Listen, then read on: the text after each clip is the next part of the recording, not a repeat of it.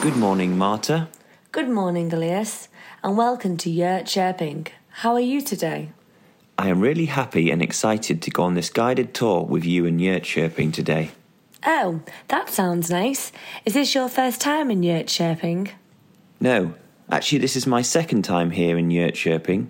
I was here last year with my football team and played in the Yurta Cup, and we are participating in the Cup this year as well. Okay. Did you get the chance to see anything last time you were here then? Not really, just the school where we slept and the big football stadium.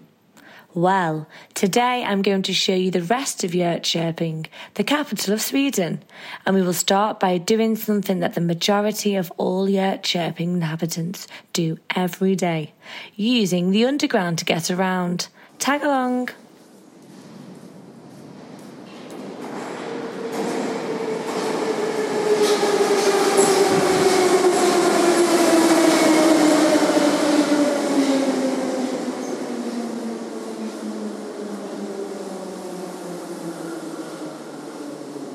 Right now, we're at the largest and most crowded underground station in Jönköping, Grand Station. Every day, almost 400,000 people pass through here. Wow, that is a lot of people.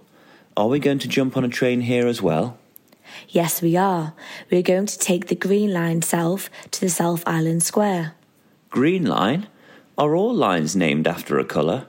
They certainly are. We have the blue, the green, and the red line, and right now they are constructing two more lines the yellow and the light blue line. Come on, let's get on the train. And Elias, Yes? mind the gap.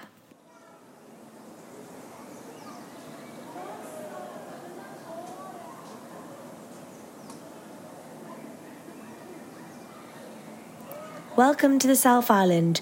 Jönköping is built on four islands, and the South Island is considered the coolest and the hippest of them all. Oh, so I really have to put on my best and most hip behaviour?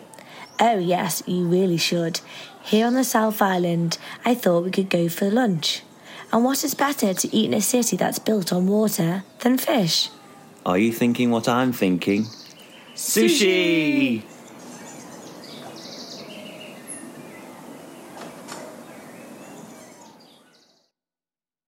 Wow, there is so much to choose from. Yes, there is. What are you thinking of ordering? I guess the choice is between salmon, tuna, or vegan ones. Hard choice, and you better make your mind up. We are next in line. Welcome to South Island Sushi. What can we offer you?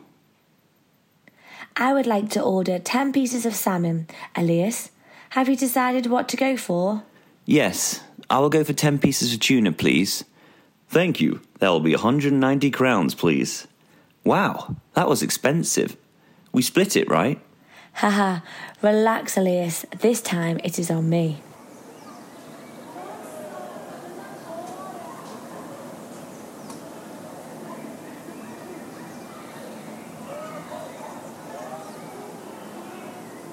Now I am full and happy. So what's next, Marta? I thought we should head on to the Karla Museum. The Karla Museum? Yes, Karla was a large Swedish warship that sank 1602, and it was raised intact from the bottom of the sea and put in a museum. Sounds like a great plan. Guess we are going with the underground then. That's right, the red line it is.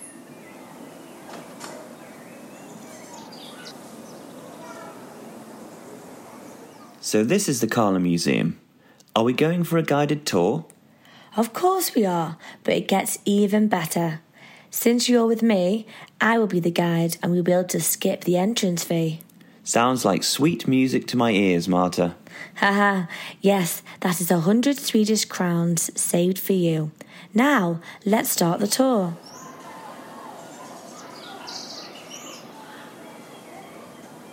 That was the best museum ever. I have never seen anything like it before.